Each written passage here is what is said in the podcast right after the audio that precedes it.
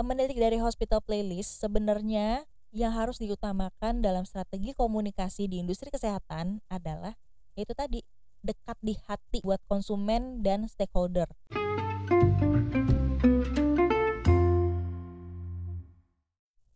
Tes tes tes 1 2 3 4 5 6 7 8 9 Entah para ilgu pal Halo semuanya, selamat datang kembali di podcast VR 101 with Ratri. Ah, rasanya rindu banget ya gue mengudara dan menyapa kalian semua di platform podcast kesayangan kalian, Cela. Nah, sebelum gue mulai, gue mau bertanya dulu nih, how are you? Really? Selama 4 bulan kita nggak ketemu di podcast VR 101 with Ratri, apakah kalian sudah vaksin atau mungkin uh, sempat menjadi COVID survivor atau mungkin sekarang kalian sedang bertarung? Sangat ya. Karena belum lama ini gue juga bertarung kok melawan COVID. Gue sempat positif, lalu isoman 14 hari di rumah. Dan sepanjang tahun ini ya terutama gue tuh personally harus mengakrabkan diri dengan berbagai layanan kesehatan yang sebelumnya tuh masih kayak awam gitu kan at least di handphone gue aja paling nggak ada 2 sampai tiga aplikasi khusus kesehatan dan vaksin gitu kan supaya lebih gampang aksesnya gitu. Nah, belum lagi info informasi terkait kesehatan yang berseliweran hampir tiap hari, tiap jam, tiap detik sampai gumoh gitu kan dan gue juga harus pinter-pinter nih menyaring informasi apalagi kita semua nih. Nah, di tengah-tengah carut marutnya Covid, gue pengen ngomongin sebuah drama yang bisa banget dijadiin contoh supaya pola komunikasi di industri kesehatan ini terutama dari segi humas itu bisa dimanfaatkan dengan baik. Yes, apalagi kalau bukan hospital playlist yang dramanya lagi tayang dan juga pola komunikasinya yang mengadaptasi konsep dekat di hati baik on screen maupun off screen bisa dijadiin contoh buat praktisi PR kayak kita nih. Gak cuma di industri kesehatan aja tapi juga keseluruhan.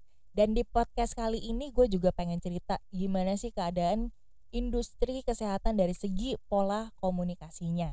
Dari segi strategi komunikasi, entah itu dari uh, layanan, apakah menyeluruh apa enggak, nanti gue akan ceritakan. Nah, ngomongin hospital playlist ya, buat kalian yang masih belum familiar dengan drama yang satu ini, hospital playlist itu simpelnya adalah uh, dokter-dokter ngeband ya karena kan memang bercerita tentang lima orang dokter yang bersahabat terus kerja bareng di satu rumah sakit namanya UJ Medical Center.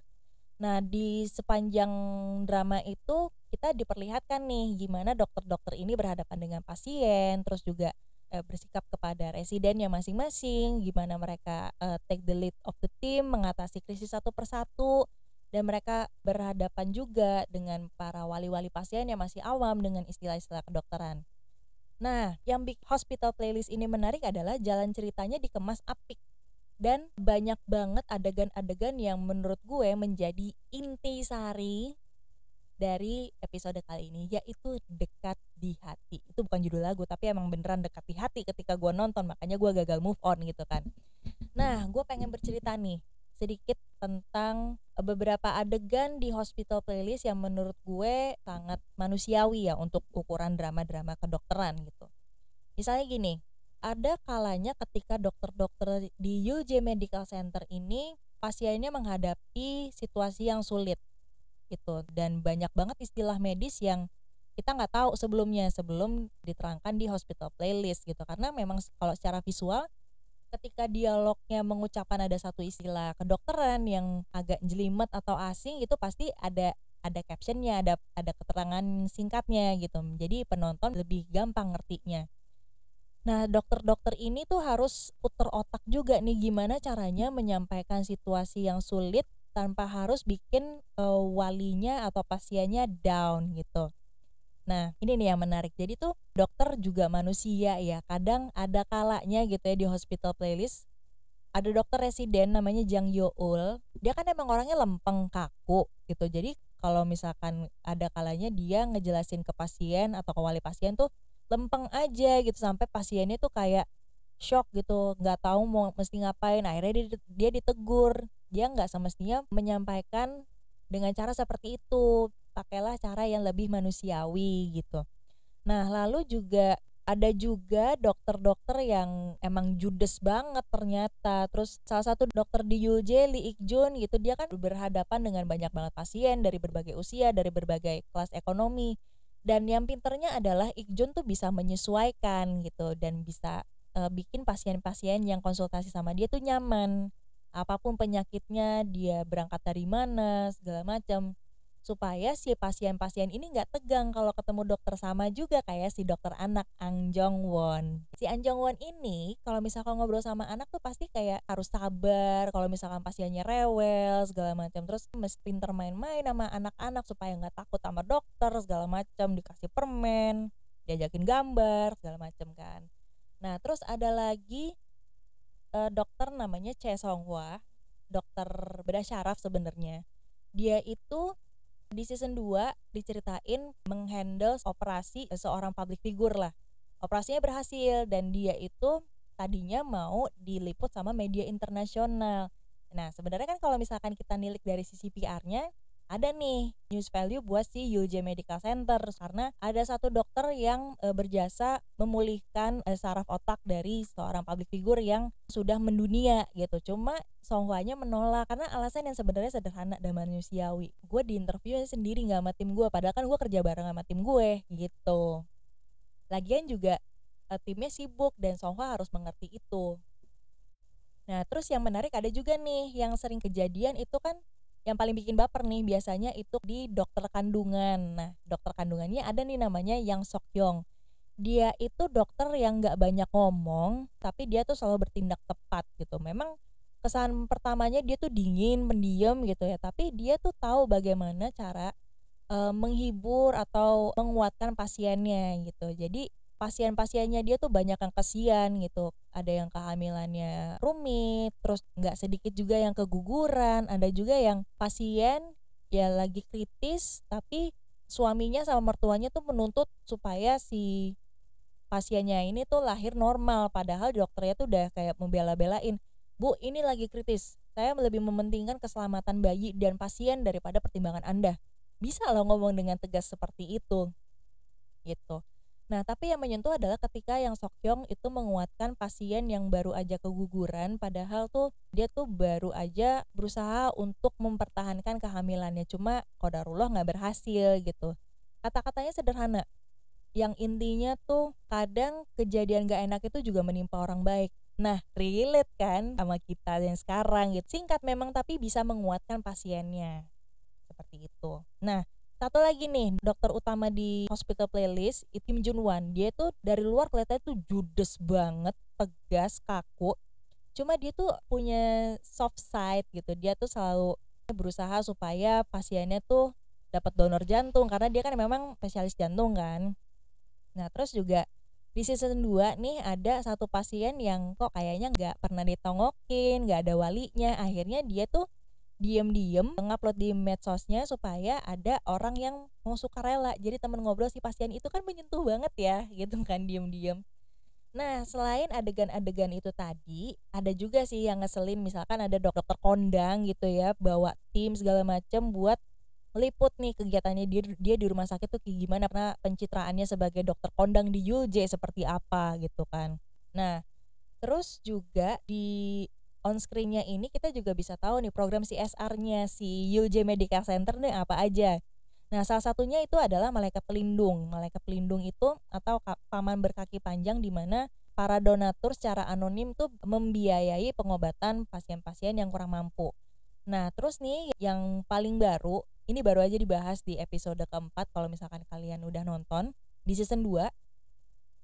Jadi UJ Medical Center ini baru ngeluarin inisiatif untuk bikin rumah singgah buat wali-wali para pasien. Soalnya kan sering tuh mereka dengar cerita bahwa oh pasiennya ini datang jauh-jauh dari luar kota, berangkat mesti pagi, terus berangkat mesti pagi-pagi banget atau dini hari sampai sana nggak sempat istirahat, booking hotel mahal segala macem gitu. Nah, dari sini kita bisa tahu bahwa orang-orang UJ ini, terutama dokter-dokternya itu benar-benar mendengarkan kebutuhan konsumen dan benar-benar mengutamakan kesejahteraan konsumen dan kewarasan nakes bisnisnya baru nomor sekian. Nah, itulah Scene-scene itulah yang menggambarkan sisi dekat di hati baik dokter dengan para pasien on screen dan dekatnya tuh nyampe ke kita yang nonton. Nah, di sini juga diceritain nih, kan tadi gue sempet sempet mention ya bahwa dokter-dokter itu harus bisa menjelaskan uh, istilah-istilah yang rumit uh, karena memang berhadapan dengan orang-orang awam gitu kan. Banyak nggak sedikit juga pasien-pasien JOJ yang nggak berasal dari kalangan atas gitu. Jadi mesti harus dikasih pengertian yang manusiawi bahwa kalau misalkan ada tindakan yang harus diambil buat si pasien gitu. Dan mereka tuh nggak pernah lupa menenangkan uh, wali-wali pasien itu ataupun pasien sendiri siapa lagi kalau bukan si dokter anak ya kan nah ngomongin dekat di hati ternyata hospital playlist ini dekat di hatinya nggak cuma pas on screen tapi juga off screen di mana pertama kali tayang itu kan e, di tahun lalu ya sekitar bulan Maret sampai bulan Mei kalau nggak salah kan. Cuma 12 episode tapi penggemarnya gagal move on termasuk gue, mohon maaf. Jadi kalau misalkan mau nungguin season 2 nya harus nunggu at least satu tahun. Nah kalau misalkan orang kan disuruh nunggu apalagi drama favorit itu kan kayak excited tapi kemudian bosen. Nah memang dasarnya si produsernya pada baik hati akhirnya dibikinlah tuh channel YouTube dibikinin aneka konten gitu misalkan nggak lama setelah dramanya tamat itu gue inget banget ada virtual concert live di YouTube channel dan gue nonton itu gratis sama sahabat gue. Nontonnya virtual tentu tapi sambil gibah. Nah setelah virtual concert yang yang image-nya kan memang lekat dengan uh, para dokter-dokter yang hobi ngeband itu kan. Nah itu udah selesai virtual concert. Nah mereka tuh ngeluarin konten secara berkala nih seminggu sekali setiap Kamis gitu gue sampai hafal. Di channelnya Napidi. Ada ada salah satu produser nama eh, marganya Na dia tuh punya channel variety show yang dia yang dia garap dan kemudian dia juga memang berteman baik sama produsernya Hospital Playlist ini Shin Won Ho Pedinyim nah bersama-sama mereka tuh kolaborasi bikin konten digital mingguan seputar hospital playlist gitu. Mulai dari proses casting terus juga behind the scene per episode terus udah gitu uh, proses dibalik mereka belajar ngeband dan mereka belajar kedokteran dan karena genrenya juga banyak koreo komedinya sempat juga di ada konten di mana kelima cast utamanya hospital playlist ini dikumpulin dengan tentunya dengan prosedur kesehatan yang berlaku ya. Dan tempatnya juga pasti disterilin dulu. Yang mana mereka ini uh, main games dan itu bodor banget parah. Dan juga mereka tuh kayak sempat camping bareng. Camping berlima ya kayak uh, bonding bareng sebagai lima orang sahabat on screen dan off screen. Dan ketika nonton tuh hati kayaknya anget gitu. Tujuannya apa mereka bikin konten seperti itu? Supaya fandomnya Hospital Playlist tuh tetap tetap kuat selama nungguin season kedua. Dan mereka tetap excited gitu. That's why dengan adanya konten-konten itu para fansnya Hospital Playlist yang gagal move on tetap merasa dekat di hati gitu. Nah lalu bagaimana dengan industri kesehatan di kehidupan nyata dan bagaimana komunikasinya well as we know uh, selain demandnya lagi tinggi rumah sakit di mana-mana penuh terus obat nyari obat di mana-mana juga susah dan Terus belum lagi orang awam yang belum sepenuhnya teredukasi tentang informasi kesehatan itu. Nah, di aplikasi sendiri juga kadang-kala customer service-nya slow response, terus juga um, ketika harus berhadapan dengan nakes, ada juga yang nakesnya jutek mungkin karena capek gitu ya. Nah, kalau misalkan di kita lihat dari sudut pandang PR, gejala-gejala ini tuh bisa menimbulkan krisis nih mulai dari yang ringan e, kayak di sosial media sampai yang berat gitu sampai mempengaruhi reputasi si rumah sakit. Nah, sebenarnya ketika eh, dari tahun lalu ke tahun ini ada beberapa langkah yang sebenarnya tuh sedikit demi sedikit itu membantu supaya industri kesehatan tuh tetap lekat dan dekat di hati. Bukan hanya karena mau nggak mau harus deket gitu. Gimana? Baru-baru ini tuh Kemenkes launching website stok obat yang aktif secara live dan bisa diakses secara live yaitu https farmasiplus.kemkes.go.id nah nah terus udah gitu tuh berasa nggak sih kalau misalkan layanan konsultasi terus juga layanan tes covid itu aksesnya makin gampang makin banyak yang menyelenggarakan?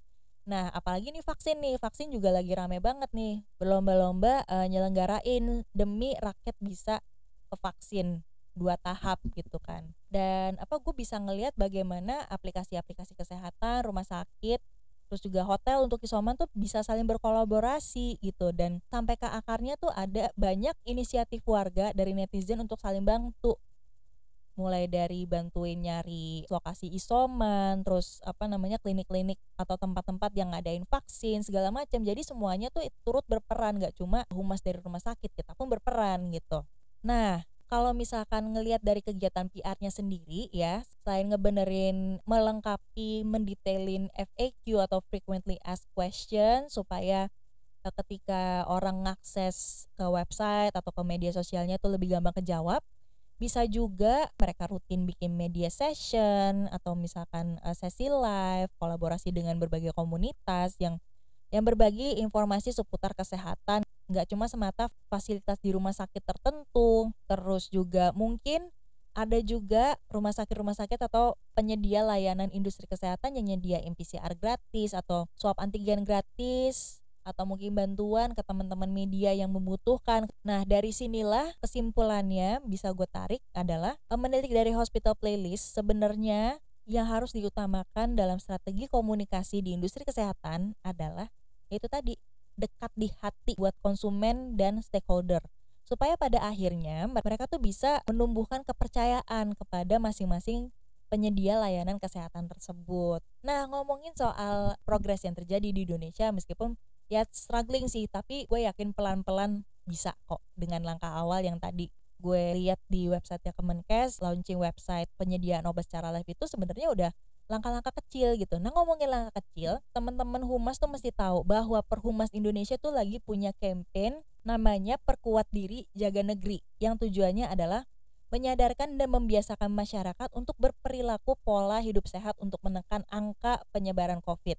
Nah, dengan adanya campaign perkuat diri jaga negeri ini, tujuannya adalah rekan-rekan humas, teman-teman humas tuh bisa menjaga negeri dari langkah yang sederhana. Dan sekarang tuh mereka lagi ngadain challenge dan challenge-nya itu berlaku sampai tanggal 14 Juli. Jadi kalau misalkan kalian mau kepo, silakan intip aja media sosialnya Perhumas Indonesia dan Perhumas Muda dan sebenarnya kalau misalkan gue ngeliat kampanye mereka tuh seru banget loh kan ada aneka talk show segala macam dan ngebahas soal tentunya dunia kehumasan di tengah pandemi nggak cuma industri kesehatan tapi bagaimana semua industri harus bertindak ambil langkah dan bekerja sama supaya bisa menyelamatkan negeri tapi ya itu kuncinya itu tadi adalah dekat di hati oke okay?